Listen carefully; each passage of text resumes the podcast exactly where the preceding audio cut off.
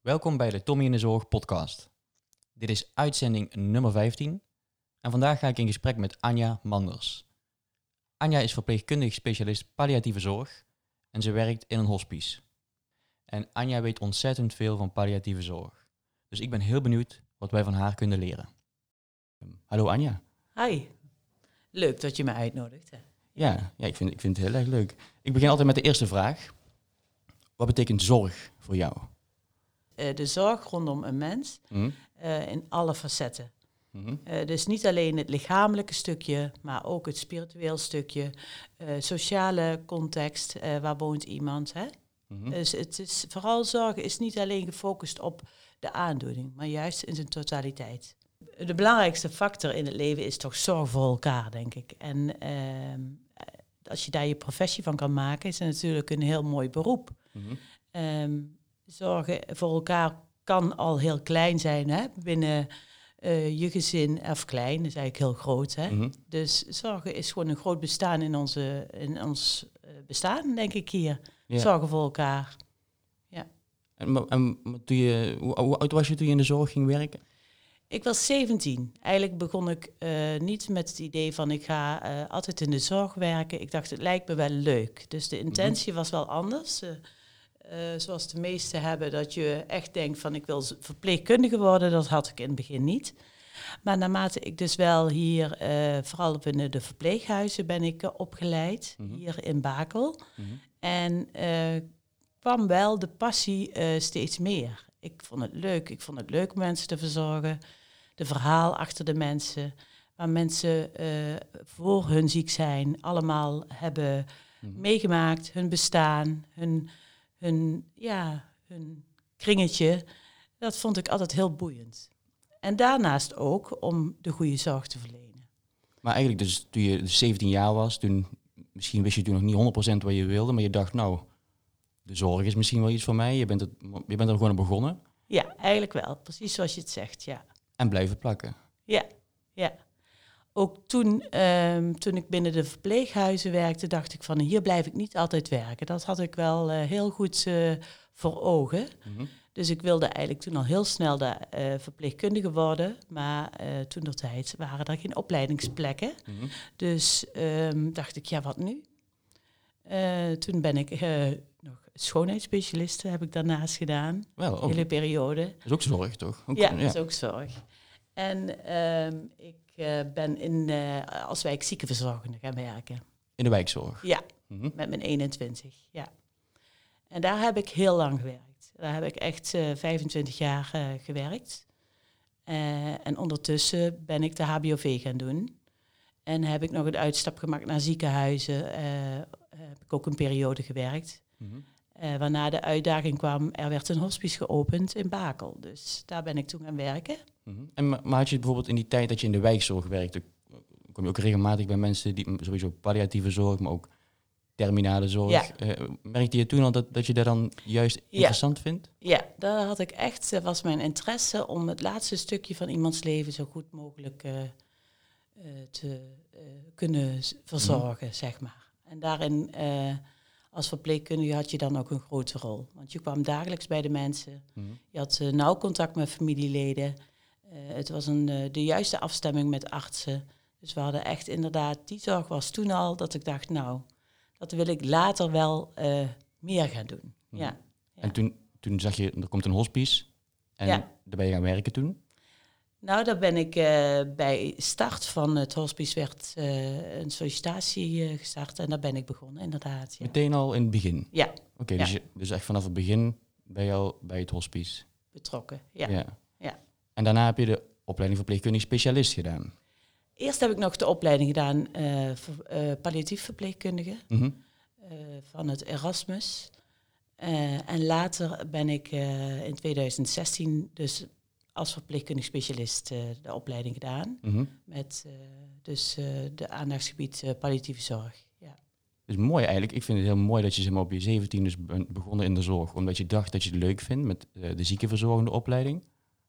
En, en, en nu ben je dan verpleegkundig specialist. Wil je altijd al doorleren? Nee, in eerste instantie. eh, wil, ik was wel altijd leergierig. Mhm. Eh, binnen mijn ziekenverzorging had ik natuurlijk al veel uitstapjes gemaakt wat mogelijk was. Wat ik leuk vond. Eh, ik gaf onder andere een cursus voor mantelzorgers. Heb ik mee opgezet. En zo had ik altijd wel een uitstapje wat ik naast mijn gewone werk als ziekenverzorgende gedaan heb. Om nog wat de uitdaging te zoeken. Dus ik Ja. zocht altijd wel uitdaging, dat klopt. Ja. Ik vind het wel mooi, want ik merk dat er wel ooit een soort sfeer hangt dat je altijd maar door moet leren. Maar ik denk dat een zo'n opleiding bijvoorbeeld, die opleiding moet niet het doel zijn. Vaak is een opleiding zeg maar, een middel om een doel te bereiken. Je wil beter worden in je vak. En nu merk ik dat bij heel veel mensen, zeg maar, die willen per se dan verpleegkundige worden of eh, nog doorleren om, dat, om maar door te leren. Ja. Maar bij jou is het echt zo vanuit je interesse gegroeid. ja. Ja. Het is eigenlijk allemaal een beetje op mijn pad gekomen, inderdaad. Ik had nooit bedacht van tevoren, inderdaad, toen ik 17 was, dat ik nou eh, deze, Mhm. eh, ja, dat ik nou hier zo in deze functie zou zitten. Nee, ja. Nee. Palliatieve zorg. ja. Wat, wat, hoe zou je dat omschrijven? Palliatieve zorg is echt zorg voor mensen die uitbehandeld zijn, ehm, die daarnaast nog wel een hele periode kwaliteit van leven kunnen hebben, Mhm. maar die nooit meer helemaal beter worden. Eh, Dat kan eh, oncologisch zijn, dan weet je vaak ook wat de prognose is, maar ook mensen met terminaal hartfalen of mensen met COPD, die zijn, gaan steeds verder achteruit Mhm. en belanden in het traject, het palliatieve traject. Ehm, symptoommanagement, dus hè, dat hoort echt bij palliatieve zorg, dat is heel belangrijk. Maar daarnaast ook de zorg voor de mantelzorgers. Mhm. En ja, zeker. eh, ehm, en ook de zorg voor de cliënt natuurlijk in zijn Ja. totaliteit. Ja. Ja, Want vaak denken mensen bij palliatieve zorg al heel, heel snel aan terminale zorg. Hè? ja. Dus de, maar palliatieve zorg begint al heel vroeg volgens mij. ja veel eerder. Hè, want je kan soms ook nog wel palliatief behandeld worden. Mhm. Dat je nog bijvoorbeeld als je extreme pijn hebt, dan zou je radiotherapie kunnen eh, krijgen, zodat de pijn vermindert. Dat is dus eigenlijk wel een behandeling in het palliatief traject. Mhm. Ja. Maar ook wel weer gericht op symptoombestrijding. Juist, ja. Alles is gericht op goede symptoombestrijding. En dan, dan de terminale zorg. Hoe, hoe zou je dat dan omschrijven? Als je zeg maar, ja, Ja. een onderscheid moet maken tussen palliatieve zorg en terminale zorg. Ik spreek eigenlijk vaak zelf over de stervensfase. Eh, de stervensfase van iemands leven, ja, dat kan zeven dagen zijn. Maar dan zie je echt dat eh, een patiënt achteruit gaat of een cliënt en ehm, niet meer minder eet en drinkt, Mhm. ehm, veel op bed ligt. Dan spreek je over de stervensfase. Dus eh, dat kan een dag zijn, hè, want soms gaat het heel snel. Ja, Maar ik spreek vaak over, dat kan ook zeven dagen duren ja. dan is het vaak helderder voor iemand eh, als dat je zegt terminale zorg. Wanneer is die eh, overstap? Ehm, de stervensfase is vaak een veel duidelijker begrip. ja. Terminale zorg klinkt ook niet zo mooi, vind ik. Ik vind Nee. het een beetje Nee. ja, eng klinken. Maar de stervensfase inderdaad. Want je kunt eigenlijk nooit daar echt uitspraken over doen, toch? Want soms blijven mensen heel erg lang leven en soms gaat het heel erg snel. Ja. Ja, Dus mensen goed informeren, dat hoort zeker ook bij de palliatieve zorg. Hè. Goede communicatie en vooruitkijken. mhm. En mensen eh, daarin meenemen en ook de mantelzorgers daar goed in meenemen. ja. ja, want voor de mantelzorgers is het natuurlijk ook super heftig. En zij zijn ook degene die daarna blijven. Dus ehm, voor mij zei jij dat ooit tegen mij. ehm, je, je kunt het maar één keer goed doen. Ja, dat klopt. Ehm, soms zeggen mensen van wel eens, eh, denk aan je tijd, hè, want soms werk je wat langer door. Mhm. Maar je kan inderdaad sommige dingen niet meer terugdraaien. Ja, En dat is anders als je nog het hele lange traject hebt van een chronische patiënt. mhm. Die, eh, daarom is het heel belangrijk dat je de dingen die je doet, goed doet. En ehm, ja, dan zeg ik wel van ja, ik kan het maar één keer goed doen. Dat klopt. ja. Dat heb ik wel eens benoemd. Ja, vind ik een mooie uitspraak. En vaak worden mensen zeg maar, in hun laatste fase ook gesedeerd. Palliatieve sedatie noemen, noemen ze het dan. Ehm, wanneer kies je daarvoor? Ja, dat heeft alles te maken met symptoombestrijding. Mhm. Als je alle symptomen, bijvoorbeeld pijn of de lier, niet meer onder de controle krijgt met medicatie of met andere eh, hè, lichamelijke eh, oorzaken, bijvoorbeeld bij de lier, hè, dat er Mhm. toch obstipatie is of een blaasretentie en je krijgt dat niet meer, de onrust niet meer onder controle, dan spreek je over dat je alleen maar mensen kunt kalmeren en sederen. Mhm. Dus eigenlijk is palliatieve sedatie, palliatieve sedatie gewoon een heel goed eh, eh, eh, in de laatste fase de symptomen onder controle krijgen. Ja.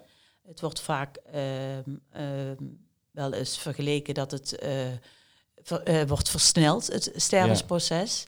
En dat is wel een misopvatting, duidelijk een misopvatting. Want dat hoor ik heel vaak terug van, eh kunt u niet wat meer morfine geven? Ja, dan precies. is het eh, proces duurt dan korter. Wat wij doen is echt juist alleen de symptomen bestrijden. En diegene die stervende is, die bepaalt eigenlijk het, de duur van het proces. Ja. Hè, hoe, het met, ja, hoe snel hij sterft. Daar Mhm. hebben wij geen invloed op. Nee, dat is inderdaad vaak een, een ding waar mensen denken, toch? Dat ze denken dat bijvoorbeeld de middelen die dan gegeven worden, dat die het proces van het sterven veel, eh, korter maken. Ehm, familie heeft wel eens ooit aan mij gevraagd, kun je niet, kun je niet nog een spuitje geven of zo? Of, Ja, terwijl, ja, sowieso moet je dat niet willen natuurlijk, maar Ja. het heeft ook niet het effect wat die, die mensen dan denken. En ik denk dat het heel goed is ook om, om dan dat ook voor te lichten aan familie, toch? Van dat, ja, dat is heel belangrijk. Ja, om daar familie goed in mee te nemen. Want wat vragen ze eigenlijk? Hè? Ze vragen een handeling. Maar het is vaak de onmacht van eh, dat iemand sterft of dat iemand zo lang in bed ligt. Eh, veel, eh, de communicatie in de stervensfase is ontzettend belangrijk. Mhm. wat een dokter vertelt of een, een verpleegkundige specialist dan ook in deze, ehm, is belangrijk dat er ook een verpleegkundige of verzorgende bij is die het dan weer opnieuw vertaalt. Mhm. Informatie gaat soms door, hè, ga- gaat langs je heen als mantelzorgers. Dus als er een verpleegkundige die dan die avond werkt, weer opnieuw hetzelfde verhaal vertelt en het goed kan uitleggen, is heel belangrijk. Ja. Want mensen raken soms in paniek eh, door de onmacht, door de emoties, hè, door het ook afscheid niet moeten nemen van eh, diegene die hun eh, dierbaar is. Ja, ja dat, dat, ook, dat is ook heel belangrijk als team zijn. Dat je gewoon ja, allemaal Ja. hetzelfde communiceert of dezelfde dingen benoemt voor Ja. familie. Teamwork is heel belangrijk. Als, eh, we zouden niet zonder elkaar kunnen. Mhm. Nee, je moet eh, juist heel goed samenwerken om dat heel zorgvuldig te kunnen communiceren ja, met elkaar. Ja. En vind je dat niet moeilijk om, om ik, ja, je bent eigenlijk altijd wel met het einde van het leven bezig van andere mensen en elke dag. En vind je dat niet moeilijk? Ja, soms vind ik het echt wel moeilijk. Mhm.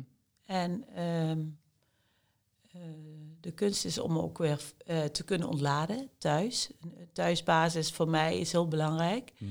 Eh, goed zorgen voor mezelf is belangrijk. Dat je zegt van ik moet echt even, voor mij betekent dat sporten of fietsen of gewoon een keertje ehm, echt een avondje weg. Mhm. Ehm, maar vooral dat je ook jezelf die tijd gunt om te kunnen ontladen. Soms heb je wel eens de neiging om door te werken Mhm. en lange dagen te maken, maar dan, het is heel belangrijk dat je eventjes je hoofd gewoon leeg maakt. Neem, je, je, neem je je werk wel mee naar huis? Niet altijd, nee. Mhm. En vergis niet, thuis heb ik natuurlijk een gezin en dat gaat gewoon in de stroom van elk gezin door. Dus Ja. Ehm, wat ik op dat moment net heb meegemaakt, bijvoorbeeld een eh, jonge patiënt die gestorven is. ehm, de eerste vraag die je krijgt thuis is gewoon: wat eten we en hè, wat, eh, wat gaan we vanavond doen? Dus je zit weer ook weer heel direct in een gewoon gezinsleven. En dat is ook goed. Mhm. Maar het moet soms wel dat je, dat je dingen deelt. Dat je het moeilijk hebt of dat je even niet de moeder bent eh, van het gezin. Dat je even zegt van ja, nu even tijd voor mezelf. Dat is heel belangrijk. Ja. En thuis, vertel je thuis over je werk? Soms, als, het me, dus als ik het mee naar huis neem, Ja. dan zoek ik wel een moment dat ik soms kan, iets kan delen met mijn partner. Ja. Ja. Ja. En in jouw familie, in jouw gezin, werken mensen ook in zorg? Of? ja, mijn dochter die werkt ook in de zorg. Mhm. En ehm, eh, zij maakt nu in deze periode hè, van de coronatijd ook heel veel mee. Mhm. Ehm, en daarin heb ik nu hebben we echt eh, wel een maatjesgevoel. Mhm. Want zij staat nu ook soms heel dicht bij de dood. Ja. En eh, dat is wel eh, heel prettig. Ehm, voor haar ook, denk ik. Dat ze weet dat ik hetzelfde soms meemaak als wat zij meemaakt. Ja. Ehm, alleen zit daar wel een hele leeftijd tussen. Ja. Dus voor haar is het, komt het soms wel ja, echt heel erg binnen. En die heeft ook duidelijk nodig dat ze eerst eventjes kan ontladen. En dat ze Mhm. eventjes daarover kan vertellen. Ja. Ik vind het herkenbaar, want ik weet nog dat ik mijn opleiding deed en had ik voor het eerst eh, een overlijden meegemaakt. Ik zat op de fiets naar huis en ik voelde me heel gek. En eh, mijn moeder belde ik toen meteen. Mijn moeder werkte al langer in de zorg en zij, zij ging er op een hele goede manier wel mee om. Zij, niet, niet dat ik het zeg maar ehm, weg moest blijven of zo, maar dat ik daar wel zo mocht ervaren of zo. Ja. Dat ik het heel erg vond voor die persoon of heel heftig, want het heeft heel veel impact, ook zeker de eerste keer. En Ja. toch merk ik nu, nu werk ik denk ik tien jaar in de zorg. En de afgelopen periode ben ik ook best wel weer veel in aanraking geweest met mensen die gaan overlijden. Dat het altijd impact blijft houden of zo. En een andere collega hier zei ooit tegen mij, ja, maar dat moet ook, want, of moet, dat is alleen maar goed. Want als het je niks meer zou doen, Nee, dan is het ook niet goed. nee. En het is moeilijk om daar een balans in te vinden, vind ik ooit. Ja. Ja, je merkt dat wel aan jezelf. Hè? Als je denkt van wat jij zegt, als het me niks doet meer, Mhm. dan is het tijd voor een, eh, voor een pauze in te lassen. ja. Ehm, patiënten merken dat ook. En mantelzorgers merken het als jij op de automatische piloot dit werk zou doen. ja. Dat, dat kan gewoon niet. Eh, eh, Want dat, dat, hier vallen alle schilletjes van iedereen af. En ook van de professionals. Je kan professioneel handelen, maar je kan niet eh, op een, op, als een soort robot het werk gaan doen. nee. absoluut niet. Dan val je door de mand.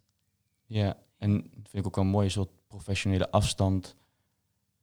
Ja, vind ik wel een apart woord altijd. Iemand zei een keer tegen mij, je moet het hebben over professionele verbondenheid. Ik denk dat dat hier heel erg geldt. Ja, Dat je echt, je moet je wel in kunnen leven toch, in, in de familie die dan bij zo iemand zit die gaat overlijden. ja. Dan, je hoeft niet mee te gaan huilen en het erger te gaan vinden dan die familie. Maar het invoelen is wel super belangrijk, toch? Ja. En het ook eh, bepaalde keuzes zijn gewoon anders als je echt eh, in eh, de somatische zorg bent. Maar we maken soms keuzes dat iemand bijvoorbeeld zijn kleinkinderen nog ziet, Mhm. vervolgens wel zo nodige medicatie nodig heeft, omdat hij zo moe is. Mhm. Maar dat is belangrijk. Dat is voor diegene kwaliteit van leven in deze fase. En dan eh, ga je gewoon soms grenzen over. Ja, Dan denk je, nou oké, prima. Hè, dan komt er straks wel een moment dat er wat meer rust komt en dat iemand dus eh, minder benauwd is. Maar nu kiest hij daarvoor om de hele middag met zijn kinderen, hè, met zijn kleinkinderen te zijn. ja. Dus afstemming is heel belangrijk. Ja, Ook een mooie uitspraak vind ik dat je eh, leven toevoegen aan de dagen, maar niet dagen aan het leven. Hoe, hoe kijk jij daarnaar, zeg maar? Van, ehm ehm, denken, mijn, mijn vraag nu. ja, De kwaliteit van leven, die, die gaat achteruit natuurlijk in de laatste fase. En hoe, hoe probeer je dan to- toch te bevorderen, zeg maar? Hoe ben je dan vooral aan aan het denken van in medicatie of in bepaalde... Hoe, hoe, hoe, hoe, hoe kijk je daarnaar? ja zo'n, ehm, je kijkt eigenlijk naar alle facetten van eh, zorg. Mhm. Maar wat ik ook wel heel vaak vraag aan mensen is, eh, waar hoop je nog? Wat hoop je nog? Mensen weten heel goed dat er een einde nadert. Mhm. hebben natuurlijk al heel veel voorinformatie gehad, hebben behandeling gehad, zijn ook, hebben ook de diagnose gekregen van u bent uitbehandeld. Hè? Dus mensen hebben daar echt wel over nagedacht. Als mensen opgenomen worden binnen een hospice, dan eh, ehm, weten ze ook waar ze aan toe zijn. Hè? Want ze laten Mhm. toch het, het, eh, de veilige omgeving achter. En dan komen ze in een, in een setting van een zorg, hè, waar heel veel verpleegkundigen zijn, vrijwilligers zijn. Ehm, en dan vraag ik wel met zo'n eerste kennismaking, vraag wat zou je nog willen? Mhm. Of wat hoop je? En dan krijg je eh, soms hele gerichte antwoorden. Eh, eh, dat kan zijn eh, de geboorte van mijn kleinkind. Mhm. Of ik hoop nog een dag buiten in de sneeuw te wandelen. Hè? Dat is natuurlijk niet altijd haalbaar hier in Mhm. Holland. Maar ehm, het is wel goed om die afstemming al direct te maken met elkaar. En dat is ook een stukje verbinding maken en kijken wat iemand nodig heeft. Soms willen mensen alleen maar zorgen dat ze geen pijn hebben en zijn heel erg gefocust op medicatie. Mhm. Andere mensen zijn gefocust op bezoek eh, ehm, of, of nog mooie muziek. ehm, ja, eh, handmassage, aanrakingen. Of nog laatst een keer naast de partner slapen. Zorgen Ja. dat er nog een, eh, een bed langs komt te staan. Het kan van alles zijn. Alleen moet je wel de vragen stellen. Ja. En ook, ook denk ik, soms kunnen mensen niet het antwoord geven of zo. Dus dan moet je doorvragen, denk ik. Dan heb je ook wel de mantelzorgers die, ook wel, eh, die je nodig, nodig hebt om de juiste informatie te krijgen. En als iemand alleen is of weinig netwerk om zich heen heeft, inderdaad, dan ben jij ook wel diegene die kijkt hoe iemand geleefd heeft en probeert daar ook op je, je, je zorg op aan te passen. Ja. En soms worden mensen ook, eh, mensen worden niet meer beter, maar mensen moeten soms weer naar huis toe of moeten. Mensen gaan wel eens ooit naar huis, omdat ze eigenlijk helemaal opleven hier in het hospice. Ja. Hoe, hoe, hoe kan dat? Dan vraag ik me wel eens ooit af. Dan denk ik van mensen, ja, die gaan niet voor niks naar het hospice. Nee. Er is een verwachting omtrent het leven. En dan gaan ze weer naar huis, omdat, ze toch weer, omdat het weer beter gaat. Ja, vooral mensen met terminaal hartfalen is het heel onduidelijk eh, hoe iemand eh, eh, achteruit gaat of opknapt. Ja, Eh, soms komen je mensen ook wel in de structuur van de zorg, de stru- structuur van eh, medicatie op tijd innemen, eh, warmte en veiligheid. Dat mensen weer inderdaad opknappen. ja, Dat wordt ook wel verteld. Hè. Wij proberen hier bij opname ook altijd dit met iedereen goed te bespreken. Mhm. Dat er officieel de drie maanden termijn bij iedereen bekend. Maar we bespreken bij dag één al, mocht het goed gaan, dan gaan we gewoon kijken samen wat de beste oplossing is. Eh, of weer naar huis of eh, naar een andere setting. Maar dat houden we altijd open. Mhm. Eh, het is onduidelijk, soms ook voor een arts, om goed te kunnen kijken hoe, slecht het met iemand gaat, zeg maar in de ver, hè? Het echt Mhm. een termijn aan te hangen. Ehm, maar een indicatie moet je wel krijgen bij de, bij, de terminale, palliatief terminale zorg. Hè? ja. Ehm, En het, jouw rol, zeg maar nu, hè? je bent dan begonnen als ziekenverzorgende en nu ben je verpleegkundig specialist. Is het een beetje anders, hè? Ja. Hoe, hoe kijk je daarnaar, zeg maar? Mis je dan, nu, nu ben je op een andere manier bezig met de zorg van, voor deze mensen, toch? Het is niet, ja, je, je, de persoonlijke zorg doe, doe je niet meer echt uitvoeren, toch? Of wel? Nee, nee, Nee. nee. Vind je dan, vind je dan, mis je dat ooit of zo? Dat je dan denkt, Het is wel een groeiproces geweest, zeker, om Mhm. dat los te kunnen laten. ja, Eh, het vak verpleegkundig specialist is wel mooi, want dat is eigenlijk de brug tussen de arts en de verpleegkundige. Dus je houdt altijd wel, eh, eh, ehm, ja, je werkt altijd samen. En vooral met je verpleegkundige oog mhm, kan je dus ook een stukje medisch kijken. Maar een arts is uiteindelijk altijd diegene waar ik ook natuurlijk supervisie vraag. mhm. Ehm, en mis je dan eh, de, de zorg aan bed? Nu niet meer. In het begin echt wel. Dacht Mhm. ik, ja, nou, ik zou ook wel gewoon een, eh een avonddienst willen draaien en echt eh, bij iemand een hele poos zijn. mhm. Het is duidelijk een andere rol die ik nu heb. Maar nu, na twee jaar of drie jaar, ehm, begin ik het steeds leuker te vinden Mhm. om die medische kennis samen met de verpleegkundige kennis, om dat eh, te kunnen combineren. Ja. Maar ik, mij lijkt het een prachtig beroep, omdat je echt inderdaad, je, je, hebt, je, zit aan, je zit ergens tussenin of zo. Je bent geen dokter, letterlijk, van alleen de dokter. Nee, Ehm, maar je weet wel ontzettend veel over eh, bepaalde dingen die je in kunt zetten als verpleegkundige. Dus het is een heel mooi beroep, denk ik. ja. En hoe, Ja. hoe is het dan, zeg maar, je bent dan, ehm, voor, voor je team is het misschien ook even wennen geweest, denk ik, toch? Dat je, ineens heb je een andere rol. ja. En dan moet, moet, je, dan moet iedereen aan wennen, denk ik. Dat klopt, maar ik moet eerlijk zeggen dat ik door het team echt gedragen ben om deze Mhm. rol te kunnen uitvoeren. Ja. Ik heb, eh, ja, ik heb daar alleen maar lof eh, over hoe ik dan zomaar een andere rol krijg binnen een team. Ja, Ja. ja. En ehm, dus, alleen maar complimenten. Ja. Ik fijn. denk niet dat ik het op een andere plek zo had kunnen doen. Ik weet het niet, het is mij volledig gegund. Zo voelt het in ieder geval voor mij. Ja.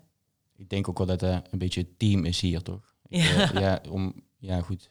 Ik, Ja. ik werk hier ook. Ik ben dan ZZP'er, maar ik heb me nog nooit die ZZP'er gevoeld. Omdat Nee. ik, Nee. Ook op moeilijkere momenten, zeg maar, dat je echt iets mee had gemaakt dat je raakte of zo, dan ben ik altijd gewoon als wel collega gezien. vind ik heel mooi. Ja. Dat is niet overal zo, denk ik. Ik denk dat dat wel de basis is ook voor goede zorg, zeker ook. Je hebt een gewoon een goed team nodig om goed te kunnen werken in dit vak. Ja, ja, zeker. Wat is het moeilijkste dat je ooit hebt meegemaakt Als verpleegkundige, in heel je loopbaan?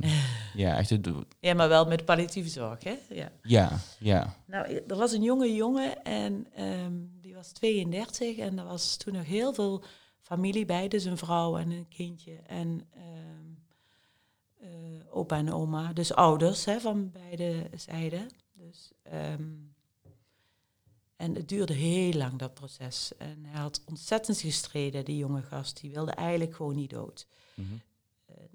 Daar kwamen we ook niet tot een stukje, hè, zeg maar, bezinning. Zo van, ja, dan is het zo. Nee, hij bleef vechten tot het laatst toe. Uiteindelijk zei de familie, we willen eigenlijk een wensballon oplaten voor hem. Eh, dus ze waren al drie dagen aan het waken. En eh, ik zei, oké, ik blijf bij hem zitten. En ik verwacht nu toch niet dat hij nu, hè, binnen nu en een kwartier zal overlijden. Mhm. Je weet het nooit. Hè? Maar goed, dat had ik wel gezegd. Mhm. En de hele familie ging naar buiten om de wenselballon eh op te laten. En toen stierf hij. Nou, en ik voelde me zo onjuiste informatie gegeven. Eh, Ik dacht, ja, dat komt door mij. Nu zijn ze van het bed weg. Eh, ehm, uiteindelijk heb ik daar later natuurlijk wel ook nog wel echt met anderen over gespart. Maar ik had echt het gevoel dat ik dus eigenlijk gezorgd had dat hun niet bij het overlijden waren. Mhm. Nou, dat is echt wel een van de dingen die me altijd nog bijstaat. Ik heb daar ook een, een soort, eh, je kent het wel, het moment geschreven van Mhm. twee kantjes. Omdat ik dat nodig had, want ik moest het echt van me afschrijven. Mhm. Dat is iets, ja, dat is één van de dingen dat ik toen echt brak, zeg maar. Dat ik echt dacht van, ja, wat ben ik zo gaan doen? En, hè, ik Voel je heb- je schuldig? ja, toen voelde ik me echt schuldig. En familie, hoe, hoe, Die hadden een hele andere beredenatie. Die zeiden van ja, hij heeft het nu los kunnen laten, nu wij boven. Dus voor hun was het gelukkig anders als voor mij. ja. Ja. Maar als verpleegkundige voelde ik me toen, dacht ik, ja, Anja, daar had je niet meer... Je had hun niet naar buiten moeten laten gaan, dan hadden ze aan het bed gezeten. Maar dat was echt in de eerste jaar van mijn, van mijn carrière als eh, binnen een hospice, eh, als verpleegkundige werkende. Ja. Denk je niet dat, dat, dat, dat alle mensen die in een hospice of echt gericht op palliatieve zorg, zeg maar, dat die zulke dingen meemaken? Tuurlijk, Ja. ja. Jawel. Ik, Ja. ja, ik, ik vind het herkenbaar. Ja, een, een, ook een situatie met een mevrouw, dat ik voor de overdracht zag dat het veranderde, dat ik discomfort zag, dat ik zag dat ze toch benauwder was, moeite had met ademen. Ik had al eerder morfine gegeven met goed resultaat daarop. En toen dacht ik, nou, ik ga niet wachten. En Het gaat niet overdragen aan mijn collega, ik geef het nu zelf en draag het dan over aan mijn collega. En degene die bij die persoon was, die, ehm, die was telkens wakker geworden op de momenten dat ik kwam en voor meer comfort zorgde, wel middels medicatie of door wisselligging. Maar op dat moment bleef diegene slapen. En ik dacht, ik laat haar slapen, want die heeft al genoeg eh, eh, slaap gemist. Ja, ja. En daarna, of in dat moment, kort daarna, is die persoon ja. overleden. En toen ik dat hoorde de daarna, dan voelde, voelde, had ik echt een vervelend gevoel over in de zin van, dan denk ik, ja, wat heb ik nou verkeerd gedaan? Hè? Ja, Ter- Terwijl met mijn verstand weet ik ja, eigenlijk niet zoveel, eigenlijk niks verkeerd gedaan, maar toch ja. blijft dat dan knagen. Hè? ja, dat is ook die casus die ik sche- schetste. Je verstand en je gevoel loopt soms Ja. echt door elkaar heen. Hè? Ja. Is dan, en, en om daarmee te dealen soms, dat is dan wel wat je ook moet leren, denk ik. Ja. ja, maar waar je ook collega's eh, voor nodig hebt. En Mhm. dat is misschien als een flexer wel moeilijk. Je moet het gaan zoeken Mhm. om te kunnen sparren met iemand. Maar wij proberen elkaar daar wel in te vinden. En een stukje intervisie is heel belangrijk. Ja. nu ook in mijn rol, ehm, ik werk met Maaike Veldhuizen samen. Als ik een bepaalde eh, eh, ehm, interventie heb ingezet, eh, wat ik wel denk te kunnen, maar achteraf misschien toch niet goed is geweest, altijd eh, zoek ik haar op om te kijken wat, wat heb ik nu, had ik nu anders kunnen doen. Dat blijft, ja, en daar heb ik ook heel veel steun aan, ja. Ehm, sowieso is zij altijd bereikbaar voor mij, maar eh, ook voor dat stukje van eh, die onzekerheid, zeker. Ja. Ja. En zeker in het begin nog veel meer natuurlijk. Maar dat is wel echt belangrijk en dat heb je gewoon ook nodig om eh, te kunnen ventileren met elkaar en te kunnen kijken hoe je bepaalde casussen misschien ook op een andere manier had kunnen doen voor een volgende Ja. casus. Want voel je je verantwoordelijkheid is natuurlijk een stuk groter als verpleegkundig specialist. Hè? Of vind je, dat- vind je dat, vindt of vond je dat niet een beetje zwaar of moeilijk? Ja, ook. Die, die, we- je, je verantwoordelijkheid groeit naarmate je zeg maar bijvoorbeeld doorleert of zo, toch? Ja, Ehm, klopt. Moet je, moet je daar ook aan wennen? Ja, daar moet je aan wennen. Maar dat, dat is wel dezelfde groei die je maakt als van ziekenverzorgende naar verpleegkundige, Mhm. van verpleegkundige naar hè, palliatief verpleegkundige. Ehm, alleen eh, is nu inderdaad, eh, ja, je hebt meer verantwoordelijkheid, dus het voelt soms wat zwaarder. Ja, Ja. Ja. Ja, dat lijkt mij ook. En, eh, want ik, ik lees dan rapportages en dan zie ik jouw rapportages en dan denk ik, oh, zij doet, ze weet het echt heel goed. En dan als ik jou hoor vertellen, dan vind ik dat heel mooi, want iedereen heeft zo zijn onzekerheden en denkt na over zijn handelen. En ja. ehm, soms, ja, we zijn ook maar mensen, toch als zorgverlener. Zeker, ja, zeker. Ik zou echt. Ehm, en het, het is, het, de rapportage is misschien ook belangrijk, maar vooral ook hoe je het vertelt tegen de cliënten. En Ja. tegen familiegesprekken zijn heel belangrijk. En eh, wat ik al in het begin zei, eh, het vervolgen van jullie, eh, hè, de, de, de visites weer naar de familie vertalen, dat is ook heel belangrijk. Mhm. Ehm, maar je voelt wel, ik voel wel duidelijk meer verantwoordelijkheid. Ja. Ja. Ja. Wat was het mooiste wat je ooit hebt meegemaakt? Zoveel. Ik zou daar bijna een boek van kunnen schrijven. Ja. Ja. Er was een meneer die was nog nooit in bad geweest. Dat weet ik nog als verpleegkundige. Mhm. En we hadden, eh, eerder zaten wij in Aleriksel. En er was een bad met lampjes allemaal. En hij dacht echt, hij zei, Anja, volgens mij ben ik al in de hemel. Toen, hij- toen we hem Aha. in bad hadden gelegd en de lampjes uitgedaan en de kaarsjes aan, toen zei hij van, ik ben al in de hemel. Ja, dat zijn echt hele leuke dingen, zoveel leuke dingen. Ja. We zeggen wel eens, we hadden het eigenlijk allemaal moeten bundelen. Hè? Alle uitspraken, alle situaties die we mee hebben gemaakt. Ja, dat is Maar- echt wel... eh, Maar eigenlijk doen jullie dat ook wel, want dat is ook eens een vraag die ik hier heb opgeschreven. Ehm, jullie hebben het moment, is een, een verzameling van alle, ehm, van alle korte verhalen, ja. van de momenten dat iemand overleden is, vanuit, geschreven vanuit de zorgverleners. ja. Hoe is dat tot stand gekomen? Dat is ook een stukje eh, vanuit eh, het van je afschrijven. Hè? Mhm. Wat je op dat moment bij het sterfbed. Maar ook een soort eerbetoon voor de, voor de gast. Ja, Eh, ehm, ook soms eh, ehm, voor collega's om te kijken hoe de laatste stukje geweest is of de laatste weken geweest is. Als je vrij bent geweest, om het ook weer een plekje te kunnen geven. ja, Want als iemand gestorven is, komt er ook de volgende dag soms alweer iemand binnen. Ja. Dus het gaat soms heel snel. En het is een stukje stilstaan bij. Bij het werk wat je doet, hè, bij het afscheid van al die gasten. Ehm, zodat je weer verder kunt. ja. Ja. Ik vind het, dat vind ik een van de mooiste dingen ook hier. Ik, eh, in de nacht dan bijvoorbeeld ga ik er wel eens zo doorheen bladeren. En soms raakt het me heel erg. Soms vind ik het super mooi. Of eh, heel, Ja. Maar die, ja, het hele idee van het moment vind ik echt prachtig. Ja. Ja.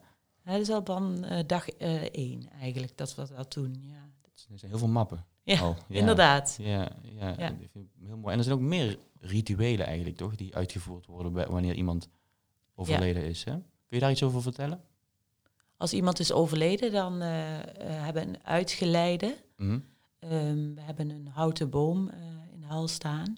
Ehm, daar eh, staan we altijd stil met diegene die is overleden en de familie en diegene die de zorg verleend heeft op dat moment. Mhm. Dus daar komt niemand voor terug. Dan wordt er een eh, gedicht passend bij die cliënt uitgezocht. Eh, en soms een ander verhaal. Het kan ook zijn dat familie iets wil zeggen. En dan is er echt een stilstaan bij die boom. Mhm. Ehm, over de brancard hangt ook het, een, een baarkleed. ehm, met het eh, eh, bekende logo, eigenlijk logo, maar wel eh, het schilderij hè, wat bij binnenkomst Ja. hangt. Dat staat ook op het baarkleed en dan sta je echt stil even. Ehm, en dan wordt de deur geopend. Als het, oh nee, er wordt ook een kaarsje aan. Ik moet, ik moet even denken, het is al wel Mhm. langer geleden. Dat doe ik niet meer zo vaak. Ehm, een kaarsje gaat er branden als iemand weggaat met een naam daarbij. En eh, dat blijft branden in het gedenkshoekje, gedenkhoekje van ehm, eh, tot iemand is de uitvaart is geweest. Ja. En dan ga je naar buiten en dan staat eigenlijk de verpleging stil en de familie loopt mee naar de auto. En dan wacht het team, of degene, of de vrijwilligers, hè, ja, dat is het team. Met z'n allen wacht dan tot de auto weg is. En dan gaat, iemand, gaat iedereen weer naar binnen. Ja. En dan is er vaak ook wel een koffiemomentje. Of eventjes met elkaar even, ja, even Ja. stilstaan. Even zuchten. Soms ook weer een, wordt er ook weer gelachen. Dat hoort ook zo, hè? Ja. Humor is heel belangrijk in deze zorg. Ja. Ja, dat viel mij ook op toen ik hier voor het eerst werkte. Toen, eh, dan, dan kom ik het terrein oprijden en dat is al heel ja, rustgevend, vind ik. En dan, ik, ik had van mijn gevoel, oh, hier moet ik heel serieus en rustig zijn. En, terwijl collega's maakten grapjes over hele normale dingen.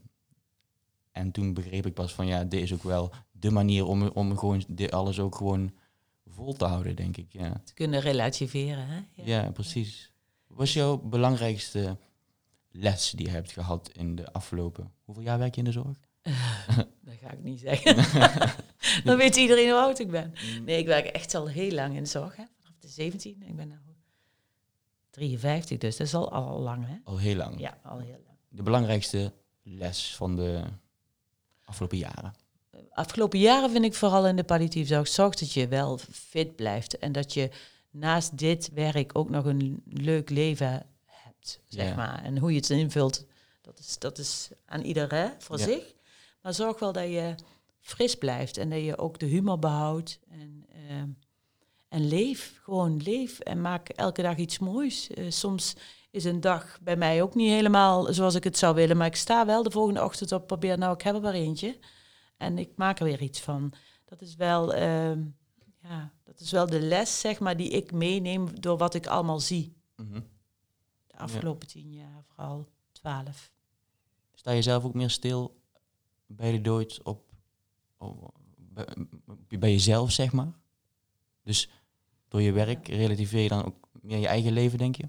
Zeker, maar dat had ik volgens mij al als mens. Wel dat ik kan relativeren en dat ik eh, wel alles uit het leven haal. Probeerde te halen wat er is. En vooral nu, nu in een ander, eh, iets rustiger vaarwater. Maar dat, ik leef wel. Ik heb, ik, ik, maak echt, ik heb echt een leuk leven, kan Ja. ik wel zeggen. Ja. Ja, ja. dus, Een druk leven, een leuk leven. Ja. ja. ja, als het je meer energie oplevert dan dat het kost, dan zit het goed volgens mij. ja. Ja. Ja. Gezien de tijd, ik heb nog één vraag. Heb je nog tips voor misschien mensen die eh, in de palliatieve zorg willen gaan werken of juist in een hospice willen gaan werken? Heb je nog tips voor die mensen? Wat was nou het belangrijkste eigenlijk? Ja. Wat is het belangrijkste? Dat kan ik eigenlijk voor een ander niet invullen, maar het is wel ontzettend mooie zorg. Je mag zomaar eventjes echt binnenstappen in iemands leven, Mhm. eh, in al zijn facetten. En eh meest kwetsbare ja, situatie. En daar kan je een hele mooie rol in hebben. Soms een grote rol, soms een kleine rol. Soms aan de zijlijn. Maar het is ontzettend mooi en dankbaar werk. Mhm. Ja. En het beeld waar heel veel mensen hebben van een hospice is... Als ik ooit vertel dat ik in een hospice werk, dan krijg ik bijna een schouderklopje van, oh, heftig of zwaar. Of... Terwijl ik ervaar het heel anders en ik denk jij ook. Ja. Maar hoe, hoe zou het kunnen dat mensen zo'n beeld ervan hebben? Alsof, alsof iedereen hier alleen maar overlijdt. Het is misschien wel zo, maar hoe zou dat kunnen, denk je? Met dat er een soort, ja, Ja, dat is gewoon eh, ook de, beeldvorming van de dood, wat de laatste jaren natuurlijk al gelukkig al heel anders is en veel meer over gesproken wordt, ja, veel meer informatie gegeven wordt. En ook door huisartsen. eh, het, is, het is wel steeds meer eh, niet meer zo eng en zo'n ja, zwart gat eigenlijk. Hè? mhm, Vroeger, ehm, toen ik in de wijk werkte, toen gingen mensen ook dood. Maar dan mochten we niet vertellen wat hij had. Dan mocht, van de partner mochten we soms niet tegen de patiënt zeggen eh, van ja, u, uw leven, hè, het, u bent erg ziek. Mhm. Ehm, eh, iemand zei tegen mij, zeg, eh, de- de- zeg maar dat zijn broeken gewoon groter geworden zijn, in plaats van dat hij afgevallen is. Dus echt tegen degene die ziek is dan, ja? Zo. Ja, dus je moest het als het ware maar een beetje ehm, eh, niet over praten, dan was het er niet. Ja, En dat is nu niet meer. Hè.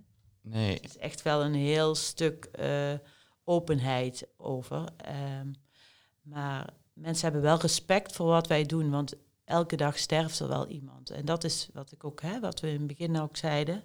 Je moet continu ehm, ja, jezelf weer fris houden in dit vak. Ja. Het is geen gewone dag in die zin.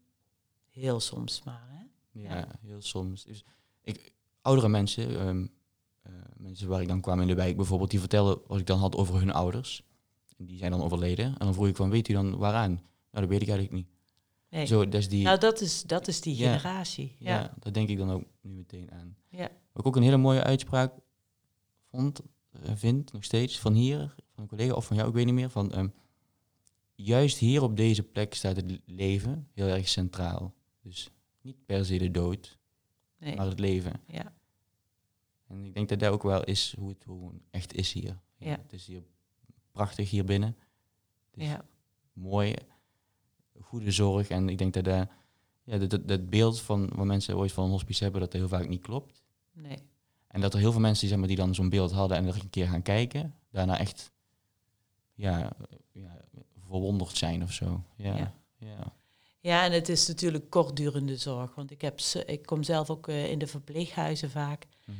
En daar heb ik ook heel veel respect hoe ze daarmee omgaan. Die hebben een cliënt of een patiënt soms al zes jaar verzorgd. En die moeten dan afscheid nemen. ja. En wij zijn maar een hele korte periode bij iemand geweest. En daar is wonen en welzijn ook, staat daar ook op de voorgrond. Maar die hebben ook met de dood te maken. Dus ik Ja. heb daar ook, ehm, soms wordt het wel ondergewaardeerd, eh, zeg maar in die zin. Dat die, die, de, het sterven daar ook soms nog een andere lading heeft als binnen de hospice de populier. ja.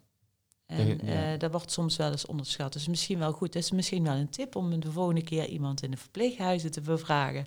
ja zeker. Die daar eh, continu werkt. Ja, Ja, want die, je hebt een hele andere band met, Ja. met degene voor wie je zorgt. Ja, mijn vriendin werkt ook in een eh, verpleeghuissetting en als dan ooit daar mensen overlijden, ja, dat, dat heeft een andere impact, merk ik wel. Omdat het een soort, ja, familie kun je het niet noemen, vrienden ook misschien niet, maar de, band is wel veel ja, langdurige. heel langduriger. En, Ja.